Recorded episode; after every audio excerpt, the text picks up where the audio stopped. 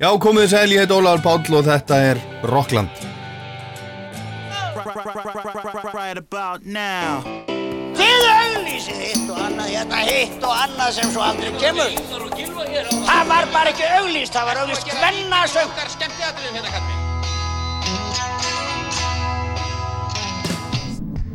Hvað gerir kvöld? Kíkja á tónleikana? Ekki? Eða ekki beint fyrir mig að vera einan um einhverja brjála úlinga. Hvað minnur þau?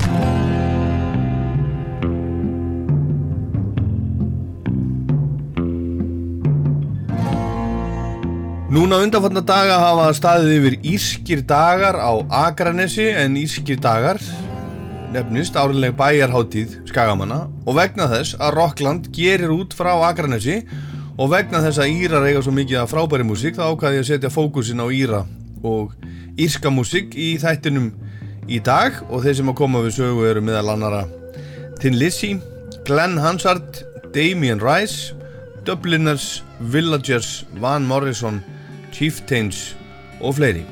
Og ég var svo stattur í Dublin á Írlandi, höfuborg Írlands, fyrir uh, næstu fjórum árum til þess að sjá U2 á tónleikum og fór þá í rocksafnið í Dublin sem að þá var nýlega opnað og, og rætti við umsjónumann eða, eða gætin, túrgætin sem að leiti mig um safnið um Íra og írska músík og, og við heyrum það spjall hérna síðar í þættinu líka.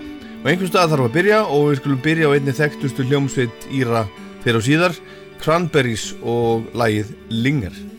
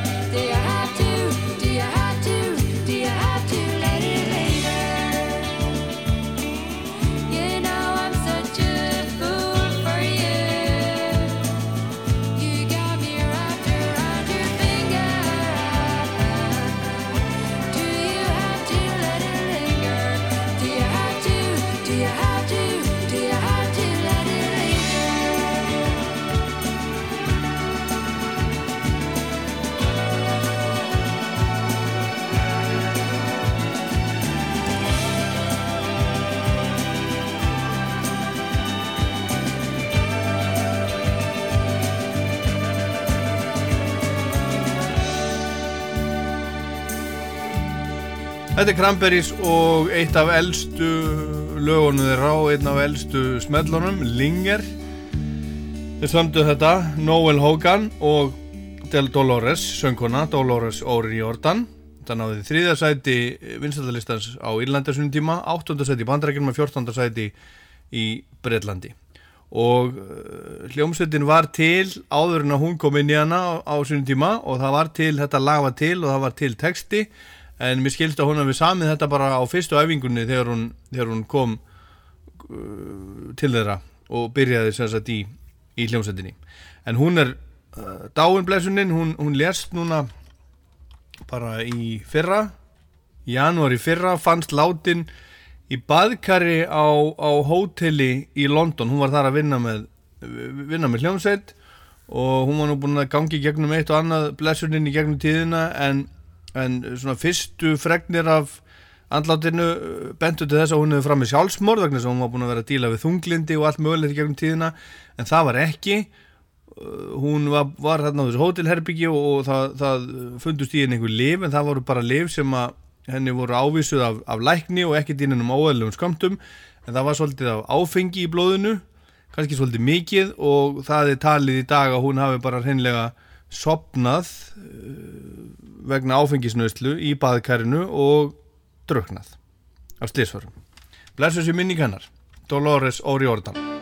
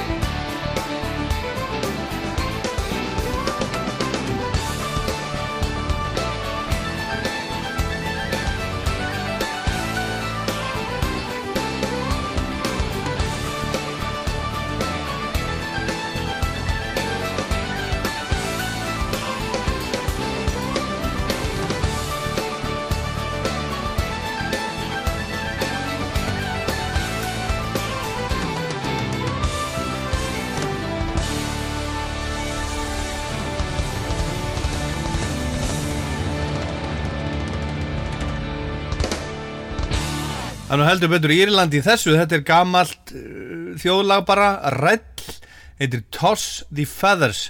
Og hérna er þetta flutt, þetta til í mörgum, mörgum, mörgum, mörgum útgáfum, hérna er þetta flutt af hljómsveitinni The Course, ísku sískina hljómsveitinni The Course.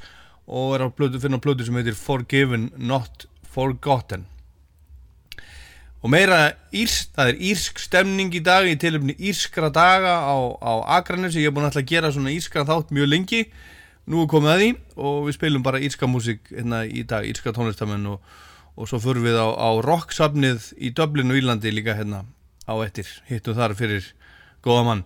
En næsta hljómsveit, hún er svona eh, kammerpop hljómsveit frá Norður Írlandi, stopnu 1989 og aðal maður þar heitir Neil Hannon, hann er sá eini sem er, sem er ja, hann er hljómsveitin.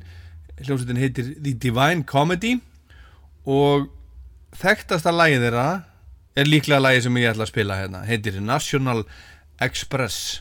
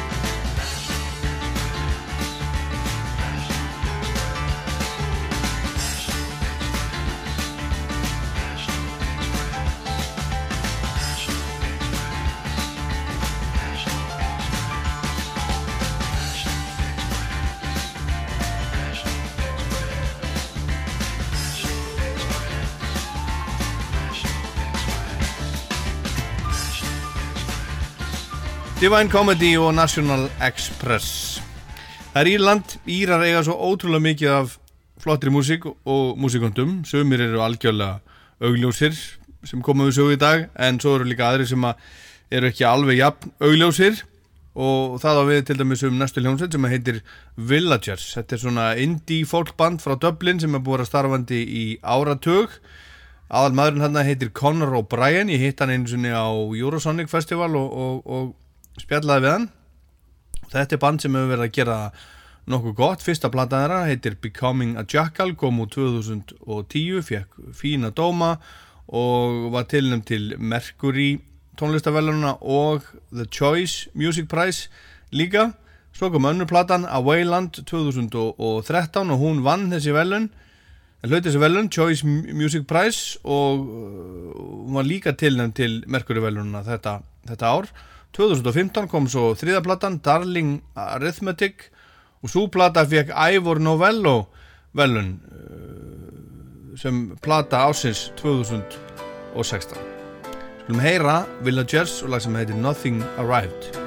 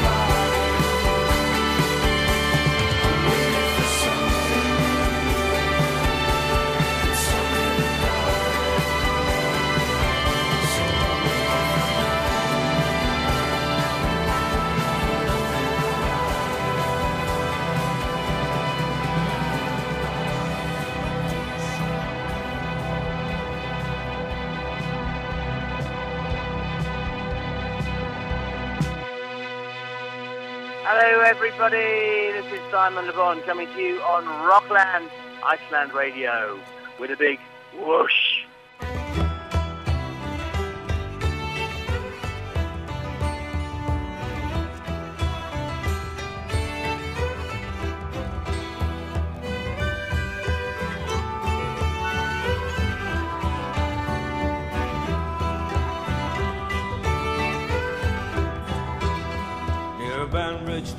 the county down one morning last July.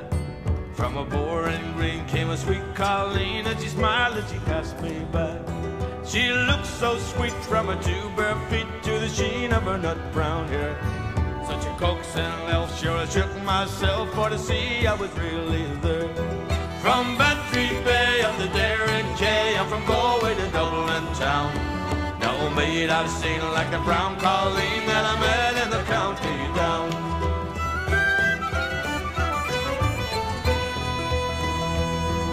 As she onward sped, sure I scratched my head and I looked with the feeling rare.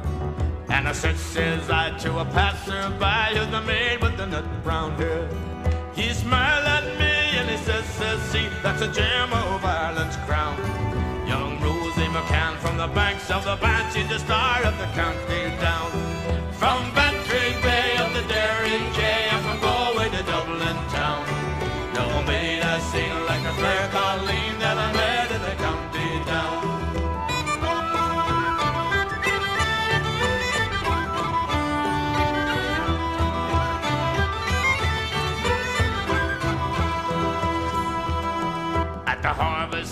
she'll be surely there, and I dress in my Sunday clothes.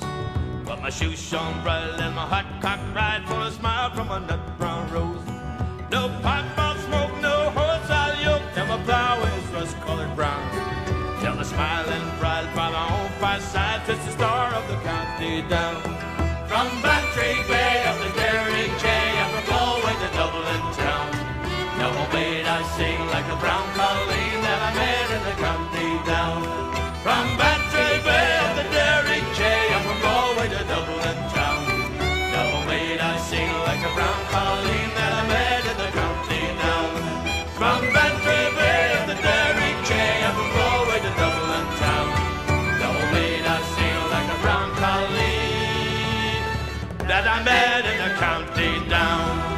Þetta er Rockland á Rástvö og við erum stödd í Írlandi núna í tilbuna því að það eru írskir dagar á Akranesi búinir að vera og Rockland gerir út frá Akranesi þannig að þetta, þetta passar allt saman saman. Hérna voru Van Morrison og Chieftains að, að syngja og spila gamlan standard Star of the County Down. Þetta er svona lag sem hefur verið uh, þessi margi textar hafa í raunni verið sungnir við. Þetta er svona hefðbundið uh, þjóðulag En þennan texta samti náingi sem að hétt Cathal McGarvey, hann var uppi frá 1866 til 1927, kom frá Ramelton í County Donegal á Írlandi að sjálfsögðu.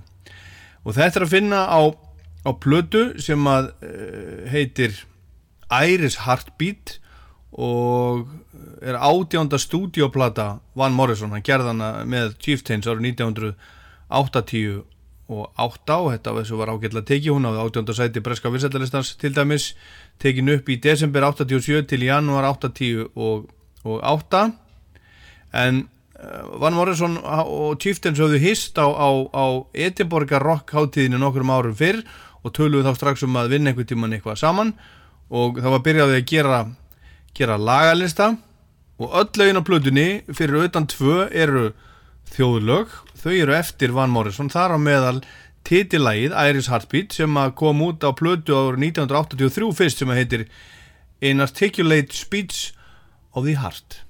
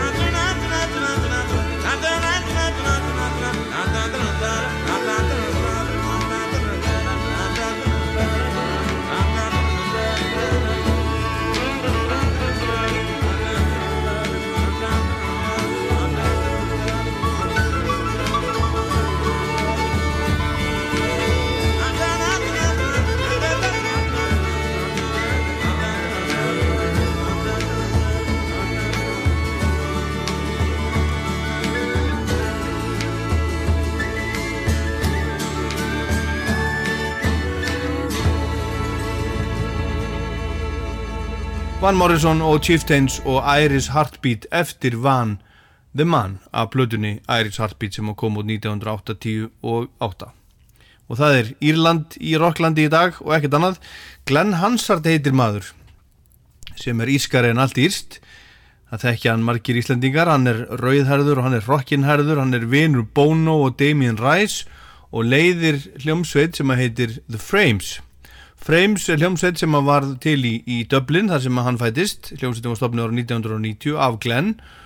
Og eh, er hann sér hátt skrifuð svona á, á, á í írska músikbransanum.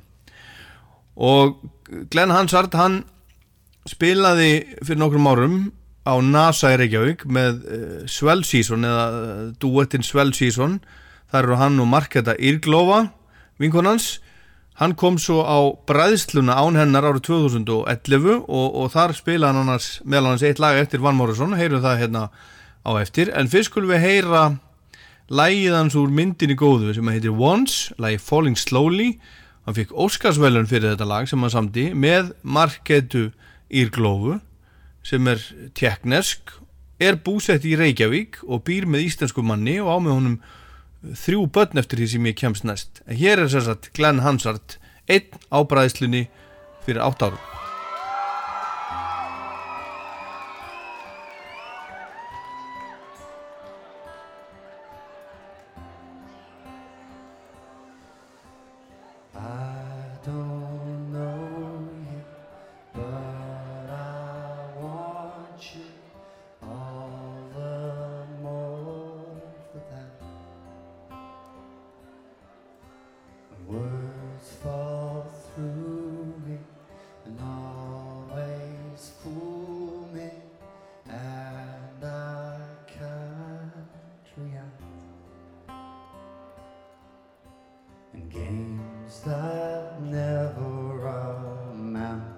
to more than they're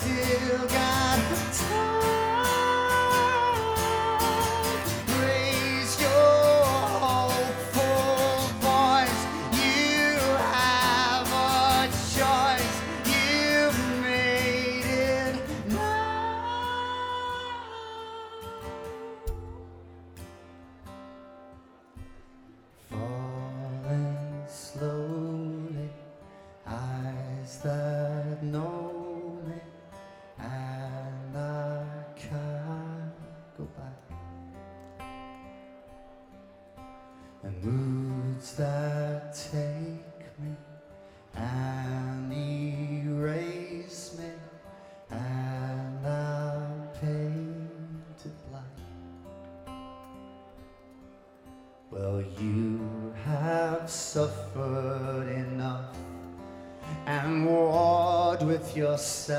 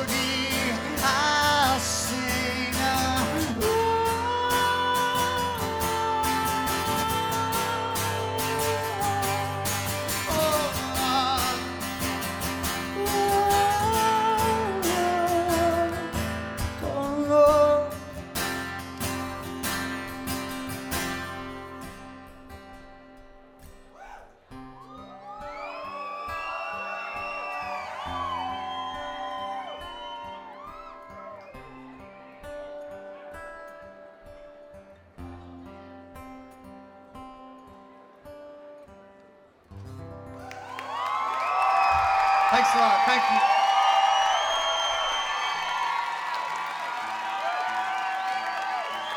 This is Sam Bean from Iron and Wine, and you're listening to Raus Tua Rockland. Thank you.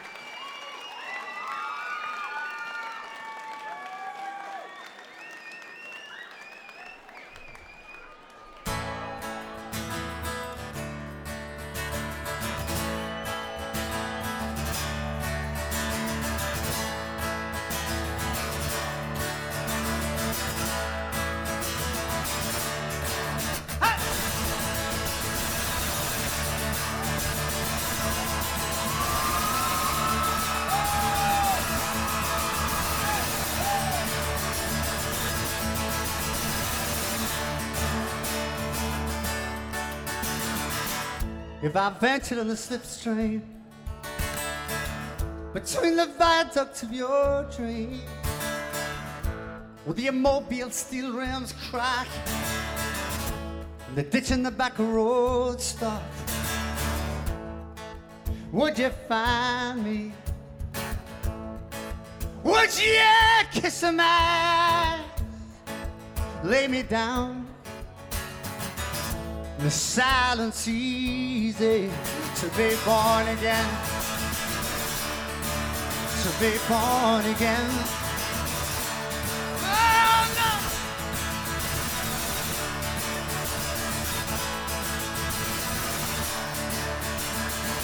On the broad side of the ocean,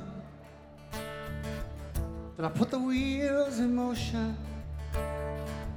And I'm standing with my arms behind me. I'm pushing at your door. Would you find me? Would you kiss my eyes? Lay me down. in the silence easy to be born again. To be born again. Oh, to be.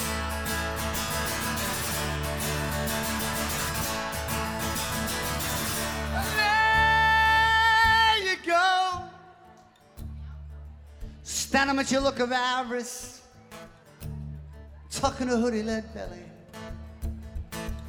showing her pictures on your wall, darling. Stumbling down the hall now. Don't you point that finger at me, no. Don't you point that finger at me, no, no, no, no.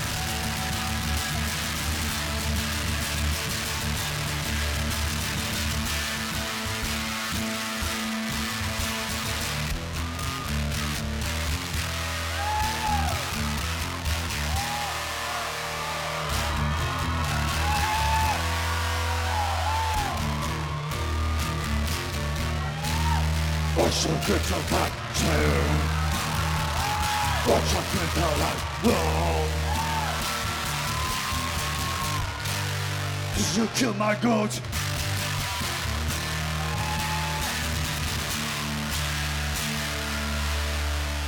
Did you kill my goat?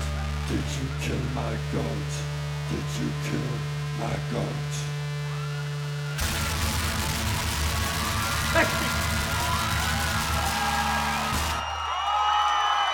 Glenn Hansson frá Írlandi hérna í miklu stuði á bræðslunni í beinni útsendingu á Rást 2 Einmitt, það sem maðurinn sagði, þetta var í beinni útsendingu á bræðslunni árið 2011 Glenn Hansard.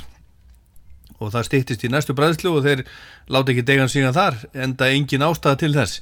En Glenn kom á bræðsluna vegna þess að vinur hans sagði honum að það var í sniðut. Íslandsvinurinn Damien Rice sem hefur heilmikið verið á Íslandi, hann var lengi með íslenskan umbásmann til dæmis og hann hefur tekið upp fullt af músík á Íslandi og með íslenskum tónlistamönnum og það eru Íslandingar á nýjustu blöðun hans sem að koma úr 2014 og heitir My Favorite Faded Fantasy. Uh, fín plata fekk afskaplega fína dóma og, og allt það. En við skulum rifjað upp þegar Damien Rice spilaði á bræðslunni 2008 And so it is, just like you said it would be. Life goes easy on me most of the time.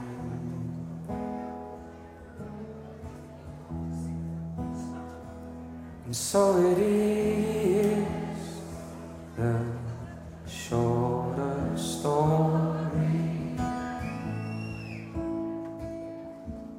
No love, no glory.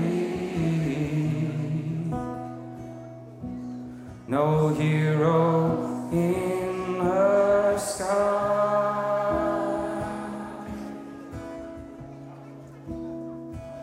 I can't take my eyes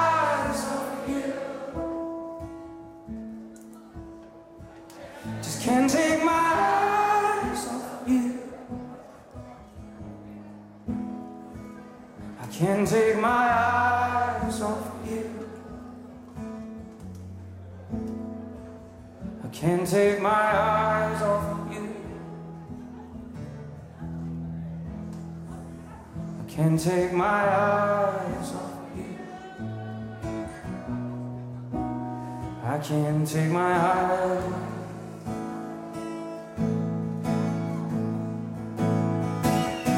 So it is, just like you said it should be.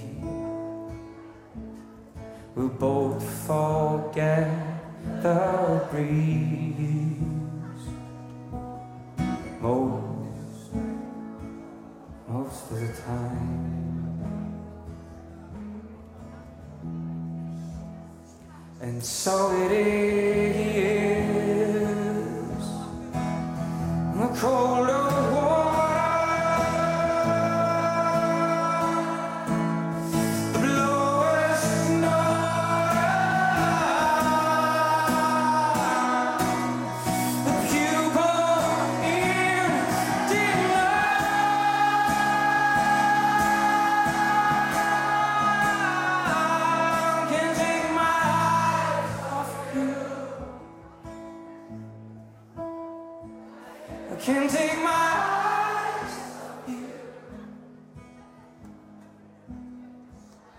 can't take my eyes off you. I can't take my eyes off you. Can't take my eyes off you. I can't take my eyes.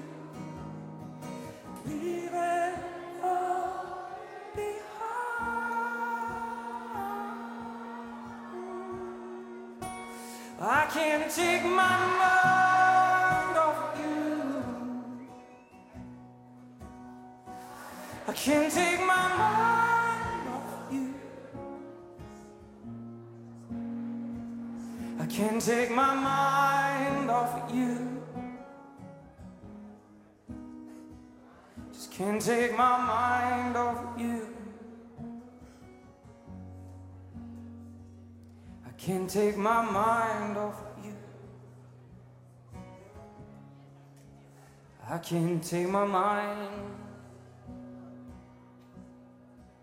my mind, my mind, till I find somebody new. I.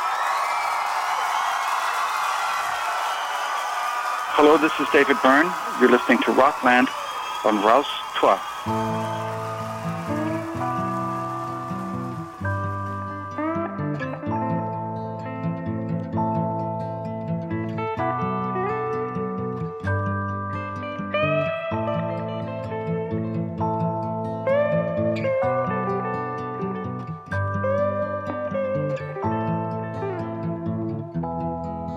After our affair,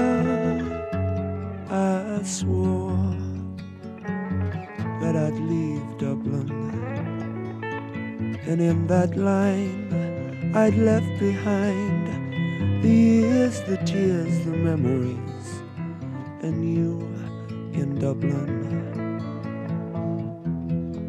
At the keys,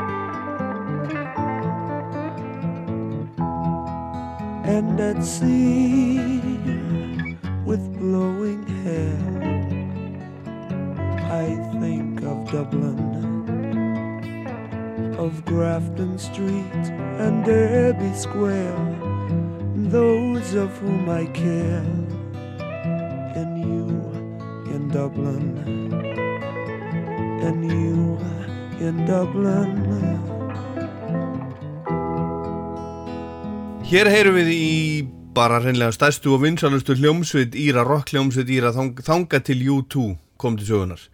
Þetta er næsta kynsla á undan. Tin Lizzy, eins og það segja Írarnir, rockbandi með svarta Íran, Phil Lynott fremstan í flokki. En þessi hljómsveit var stopnuð í Dublin árið 1969. Þeir Brian Downey, trommari og, og bassarleikarin, syngjandi. Phil Lynott voru skólafélagar og Lynott leiddi hljómsveitina allt til ásins 1986 og undir hans stjórn gerði hljómsveitin einar 12 stóra plötur en hann lést svo aðeins 36 ára gammal 1986 af völdum eitulifanislu eða svona hliðarverkana hann var að sprauta sig með heroinni blæsaður og fór illa með sig. Þegar U2 spiluðu í Sleinkastala fyrir utan Dublin árið 2001 sagði Bono síðast er við spilum hérna þá vorum við hita upp fyrir Thin Lizzy. Thin Lizzy. Þekktasta lag Thin Lizzy er, er líkast til þeirra útgáfa af írska þjóðlæginu Whiskey in the Jar sem Metallica gaf líka út á sínu tíma og er enn að spila. En þetta lag Whiskey in the Jar gerist í fjöllunum á söður Írlandi. Þetta er svona söguljóð. Það er minnst í læginu á síslutnar sem að heita Cork og Kerry.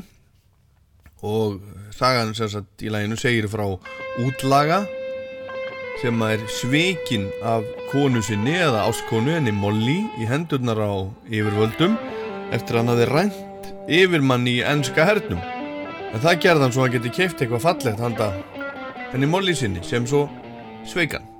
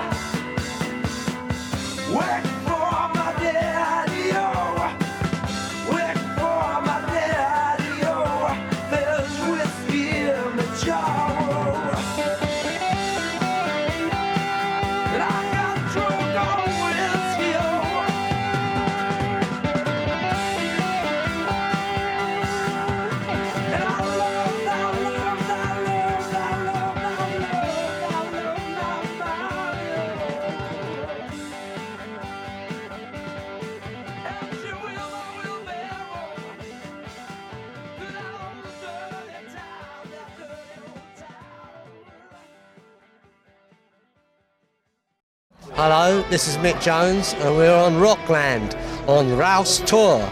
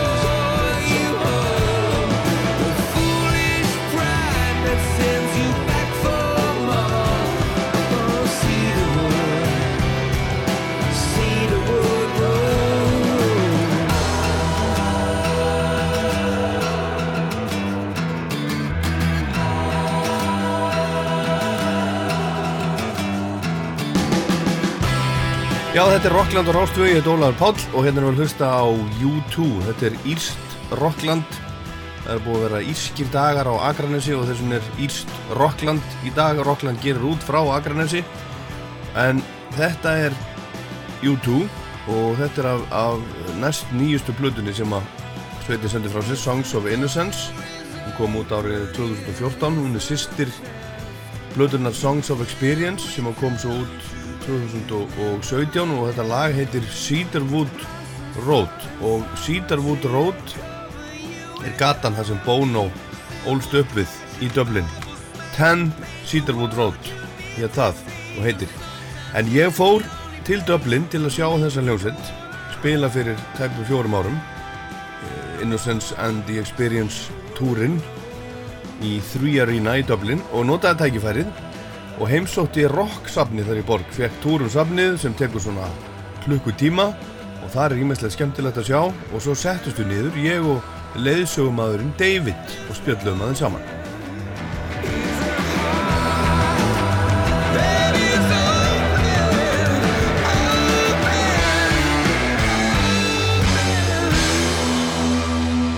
So, my name is David. I work here in the Irish Rock and Roll Museum. Um, my background, well, I'm one of the tour guides here, but I also do all the technical work here, working in the studio, working in the venue, and working downstairs in the rehearsal rooms also as well. So, so you're a genius. Well, I wouldn't say that. yeah, and you, you do all, all kinds of things. Exactly, yeah, yeah, kind of everything. And how old is this this museum? The museum itself is actually uh, only very, very new. Um, the building itself is quite old, as I say in tour, you know, um, coming from the 80s. But the actual museum itself, only since the summertime. So kind of August we opened up, you know. So it's still a very new uh, uh, business opening up, you know. Yeah, and how how is how is business? You know, are are people coming? Yeah, it's great. You know, um, we're, we're very lucky here in Ireland where tourism is always a big thing, you know.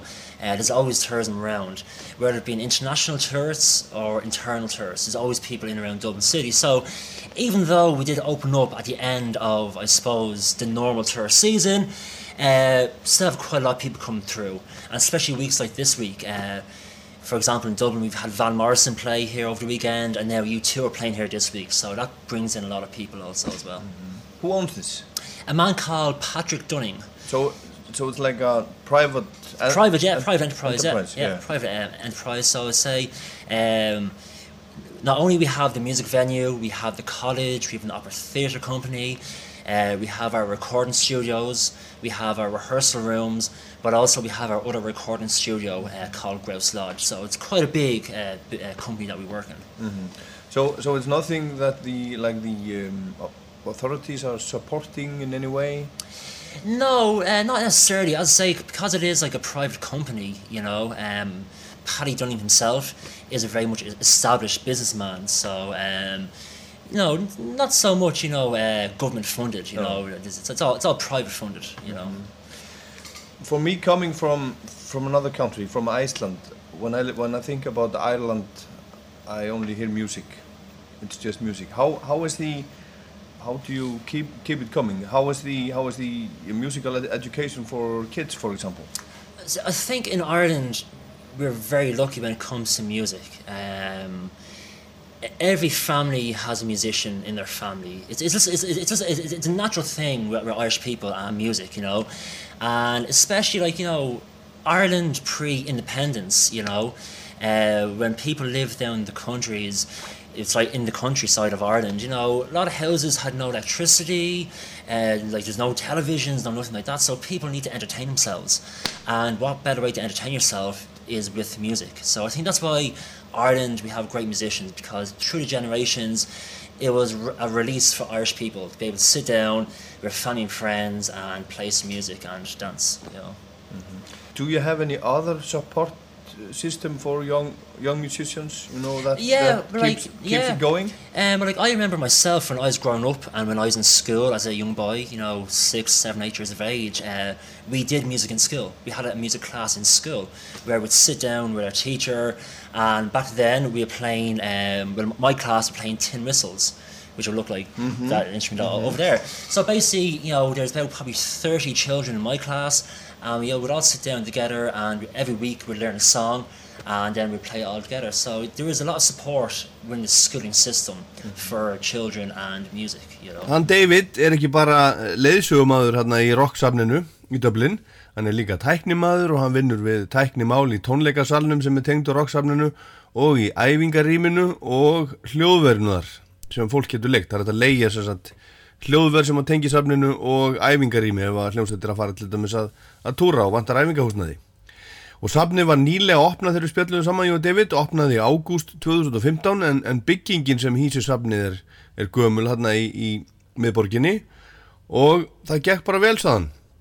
Það er áhugi á safninu sem er í enga eigu, það er kaupsýslu maður sem heitir Patrick Durning sem á og rekur þetta safn og ég spurði David svo út í tónlistina hvernig stæði á því að Írar eru svona ríkir á músík og hvort þeir, þeir væri með góða tónlistaskóla og slikt og hann sagði að tónlistin væri írum í blóðborin, það væri tónlistamenn meira og minn í öllum fjölskyldum og það væri hefð fyrir því að fólk, fjölskyldur settust niður saman og, og spiluðu og syngju og þannig hafa það verið, verið lengi.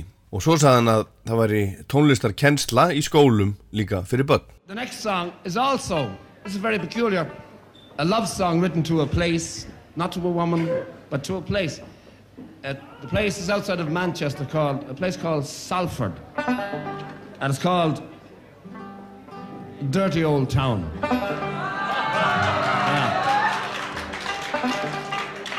Now this song, this song has got a very simple and very easy, gentle chorus.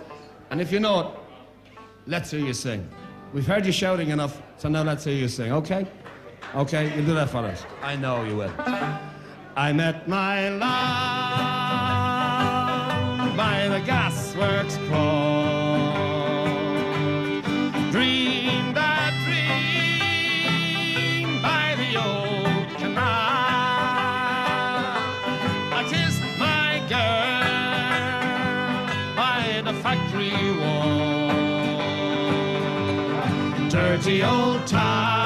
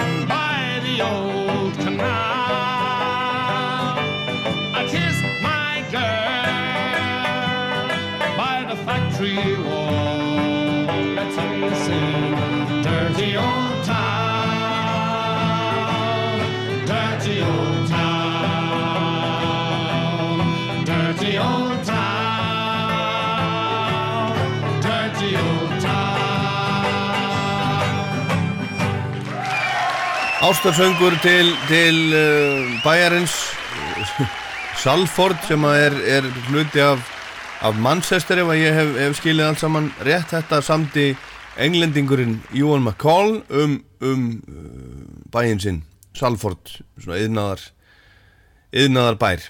En þetta er einn þekktasta hljómsveit Íra Dubliners sem hefur að missa kosti tviðsvarsunum spilað á Íslandi. Þjóðlaga hljómsveit stopnu sama ár og Rolling Stones 1960 og 2 og þetta var sér að lagið Dirty Old Town. Það gerist ekkert að sjálfu sér. Og til dæmis varandi okkur hérna á Íslandi þá var í landslægið í tónlistinni svolítið mikið öðruvísi ef við ættum ekki til dæmis góða tónlistaskóla og músiktilraunir.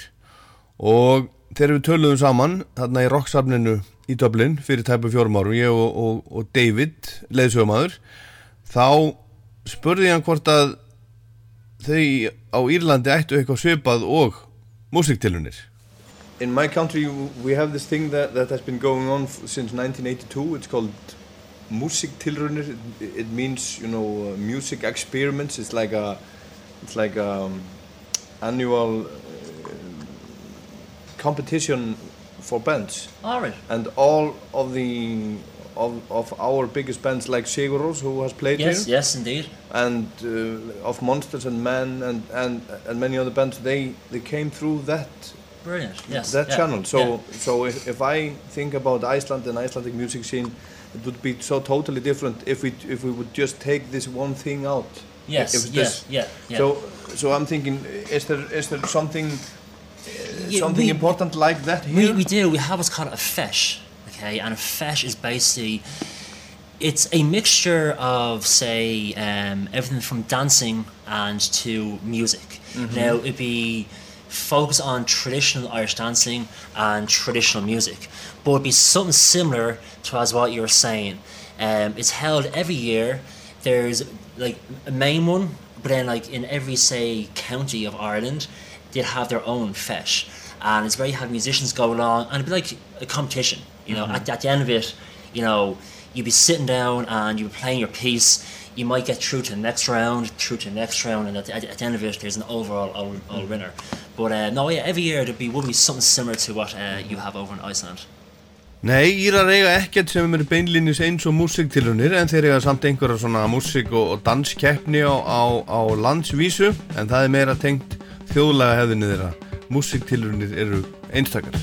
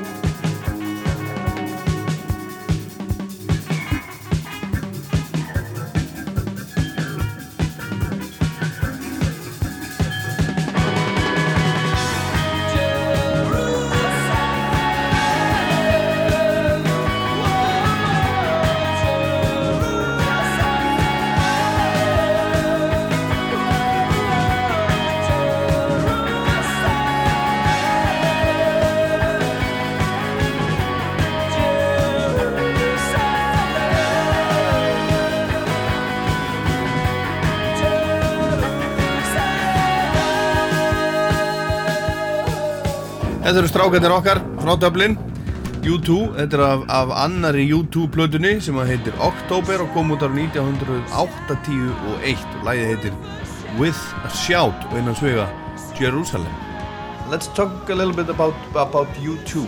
Yeah. How fond are the people of Dublin of U2?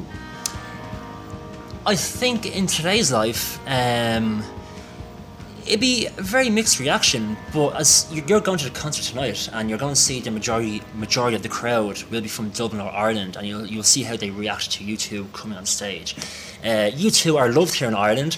There are some people who I said on, on a tour that will criticise you two. They will say things about them, but um, the majority of Irish people love uh, U, U, U2. You know, like they've done a lot for Irish music. You know, um, as I said before, U2 came along. It was Thin Lizzy, but then U2 came along, and they really show the world what an Irish rock star could be. You know. Um, U2, they did set the pathway for a lot of bands who came out of Ireland, um, and they kind of opened up people's eyes to actually what Ireland was and what it was all about. Um, whether it been culturally, but also politically, also as well. They've done quite a lot for, for this uh, country. And and here they are, you know, after all these years, these these four old friends, Yeah. you know, have, have been in the band in a band together since they were 14, 15 Yeah. years old, and they are now 50. Exactly. Yeah. No other band band in the world. Is No. i- is that is that particularly Irish? Do you think? Has that something to do with being Irish? I think yes, yeah. I think you, you'll be right. Like in Ireland, um, how would I explain it? People are very level-headed in, in Ireland. Even though if you are, you know, the most famous rock star in, in, in the world, in Ireland, people don't, you know, look up to you like like that. You know, people see you for who you are. You know, you're Bono from down the road when I met, you know, when I was 16 year- years of age. It doesn't matter if you're in a big span in the world now, you're still that same person that I know. So I think, in a way, that being Irish and our kind of attitude towards life, it does kind of help. It does, does definitely help, yeah, definitely. Ég spurði hann David, leiðsögumann í rocksafninu í Dublin, út í U2, þessar stærstu, langstærstu hljómsveit Íra, frá höfuborginni Dublin, spurði hann hvað Írar eða, eða Dublinabúar segðu yfirleitt um U2 og hann sagði að það væri svona svolítið blandað, Írar væri stoltir af U2, U2 hafi gert mikið fyrir íska músík og menningu, U2 er einn stærsta og mesta landkynning Íra en David sagði að þeir færu líki töðanar á mörgum Sumum finnst þeir líta stórt á sig og svona og hann sagði að það væri mjög írst að, að halda hópinn svona lengi eins og U2 hefur gert. Fjóri strákar saman í hljómsveit all æfi jafnvel. En ég hugsa að það verði bara raunin með U2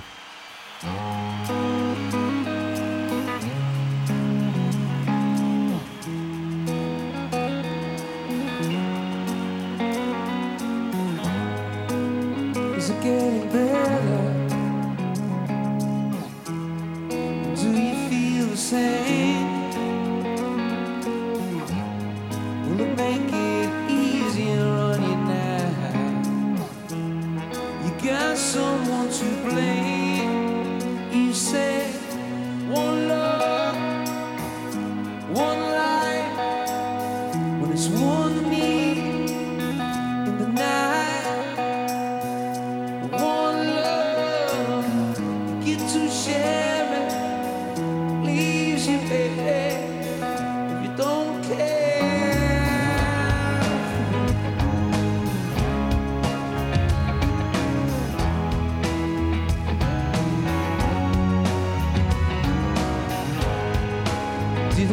Disappoint you? Leave a bad taste in your mouth. You act like you never had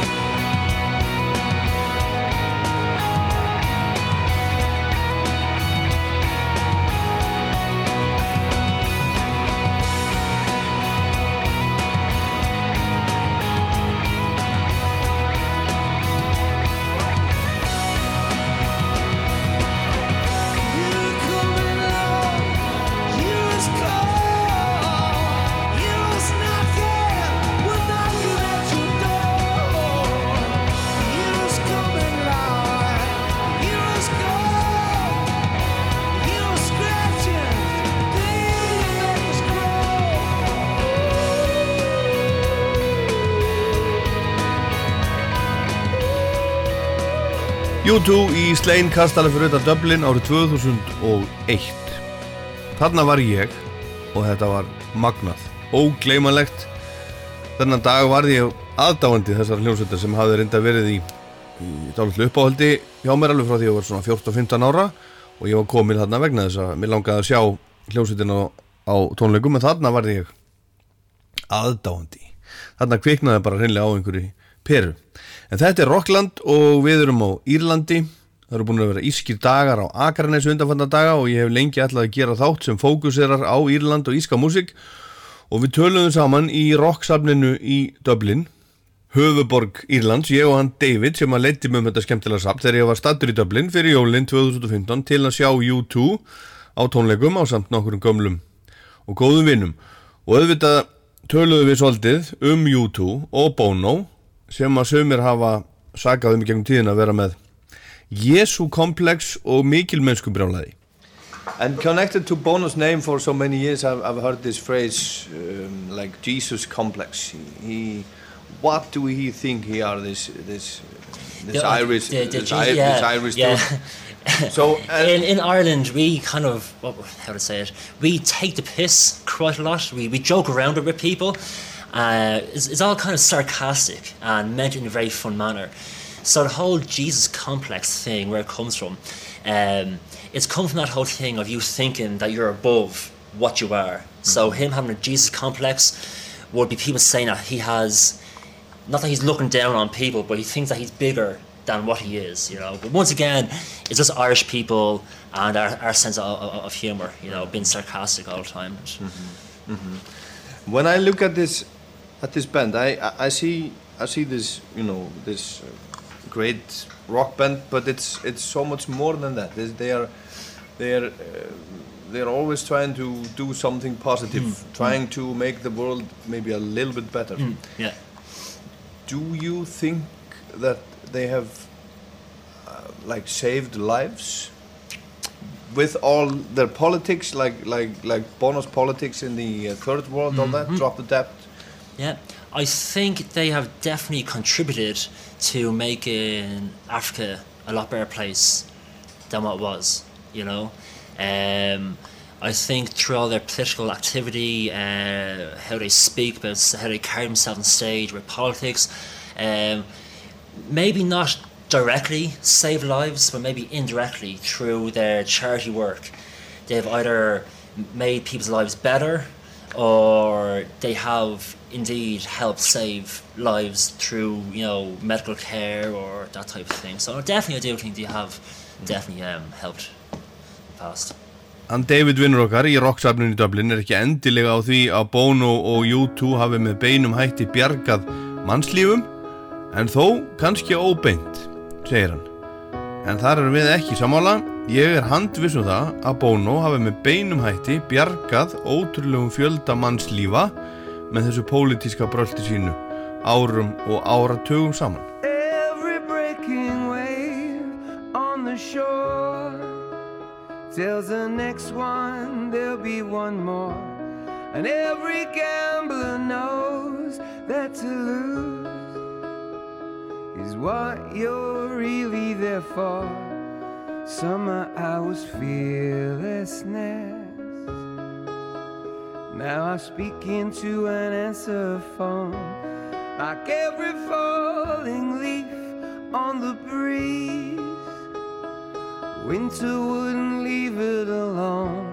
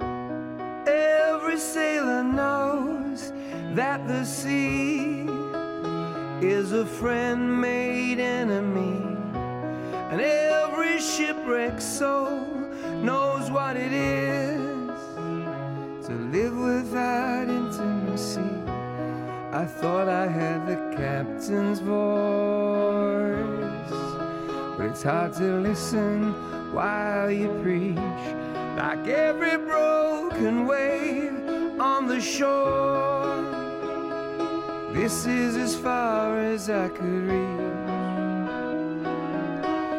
If you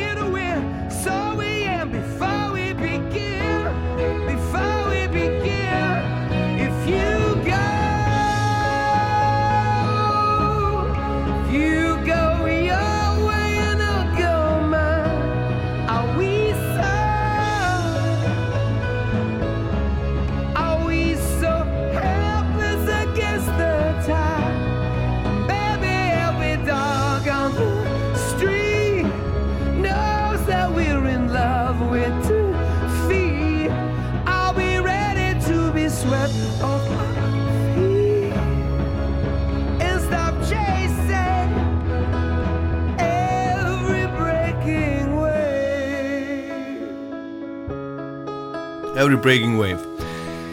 Ég sagði honum David túrgæti rocksafninu í Dublin þegar við spjöldluðum saman fyrir næstum fjórum árum að Glenn Hansard hafi spilað á bræðslunni lítilli tónlistarháttíð á, á austur Íslandi. Og ég hafi eh, fyrir um daginn þegar hann spilaði farið með honum út á sjó á sjóstöng. Og svo var það Damien Rice sem er vinur Glenn Hansard og Bono You don't mention here Damien Rice. Damien, see, with my tour, like every tour I give is completely different because there's so many musicians from Ireland.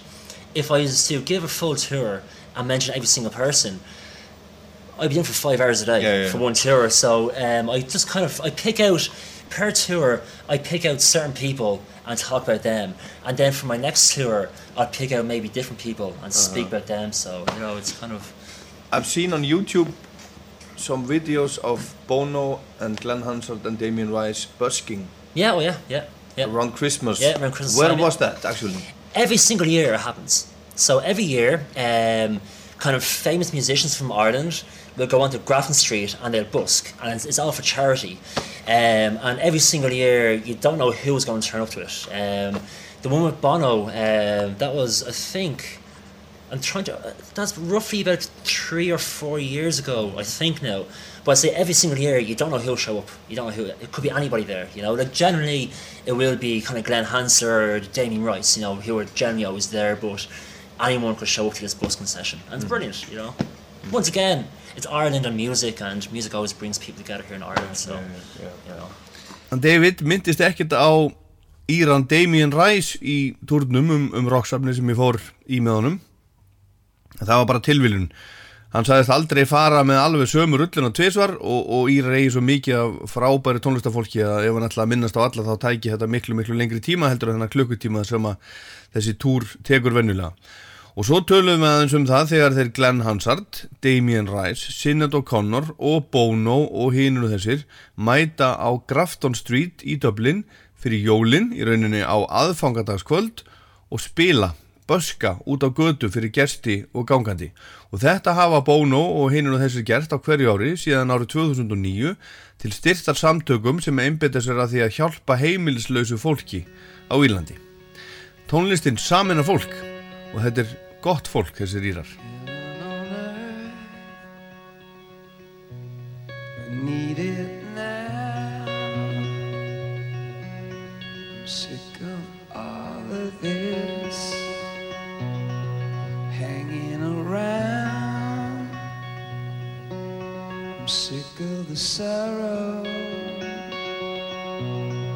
sick of the pain. I'm sick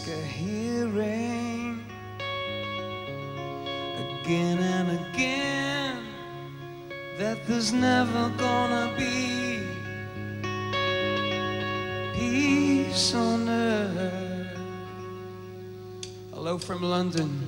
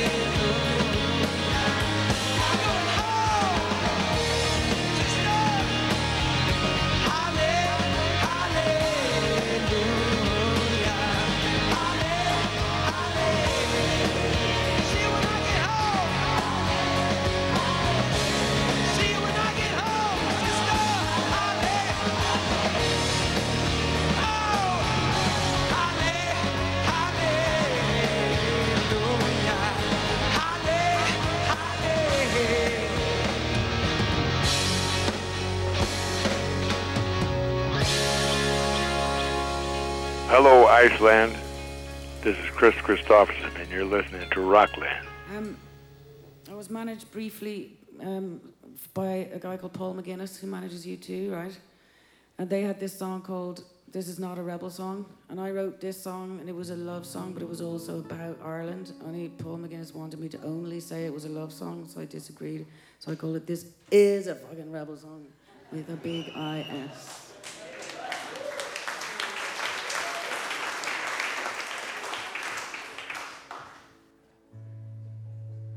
Oh.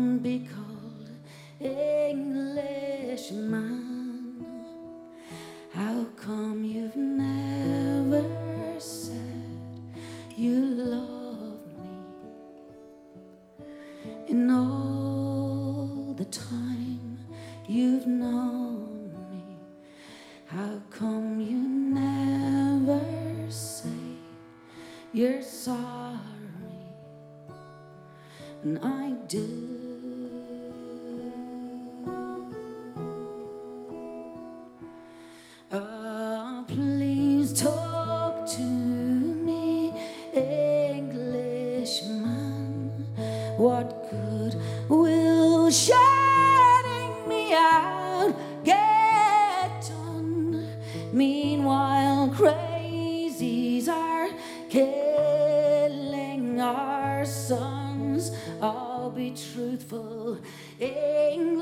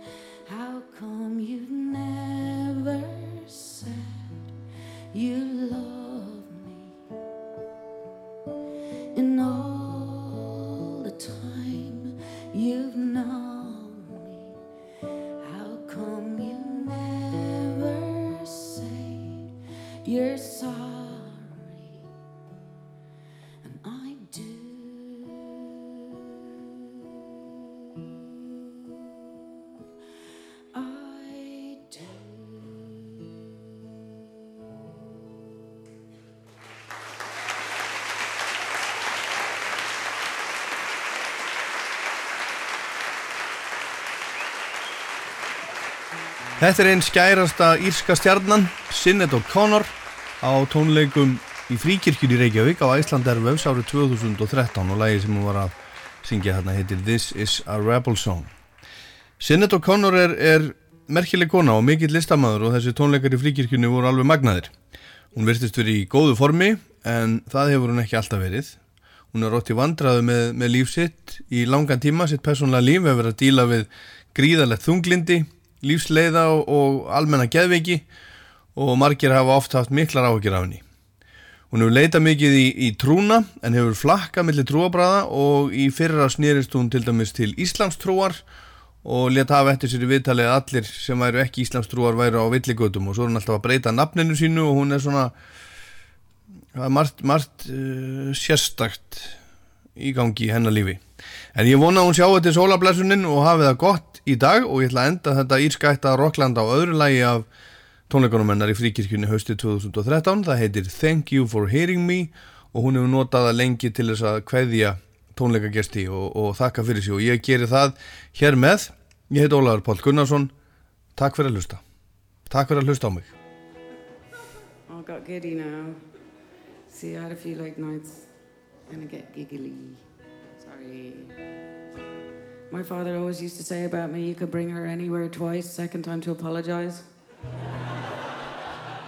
That's going to be my epitaph.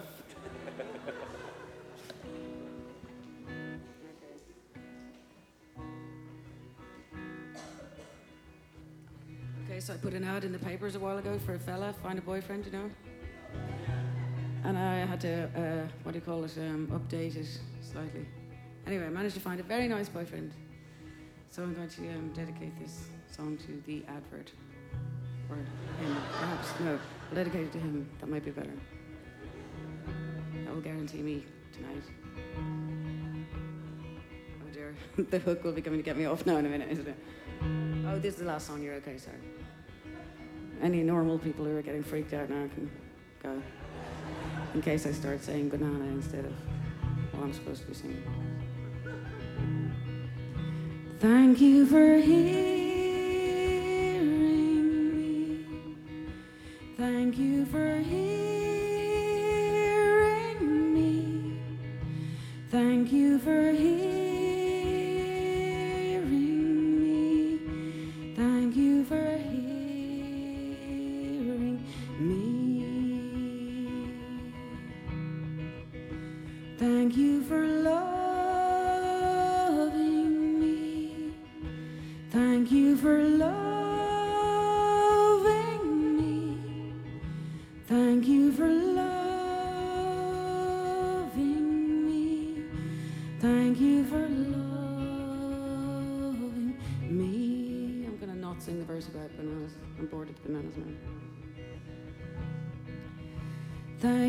For seeing.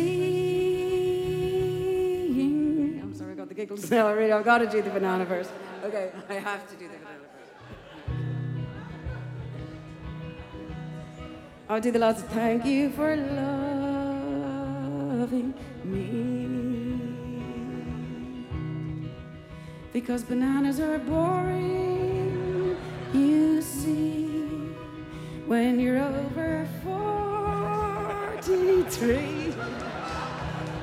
Banana isn't enough for me. Thank you for seeing. Okay, let me get serious now. oh shit. Thank you for staying with me. Thank you for staying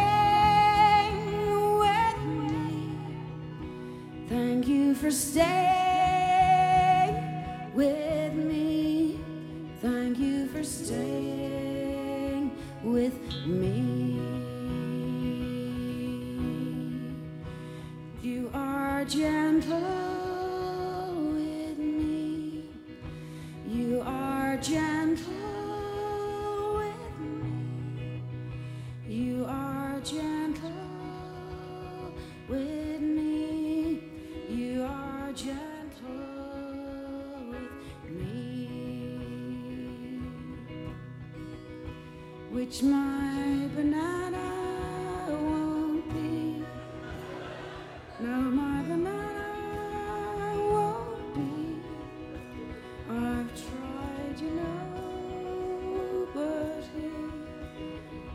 Isn't hearing me.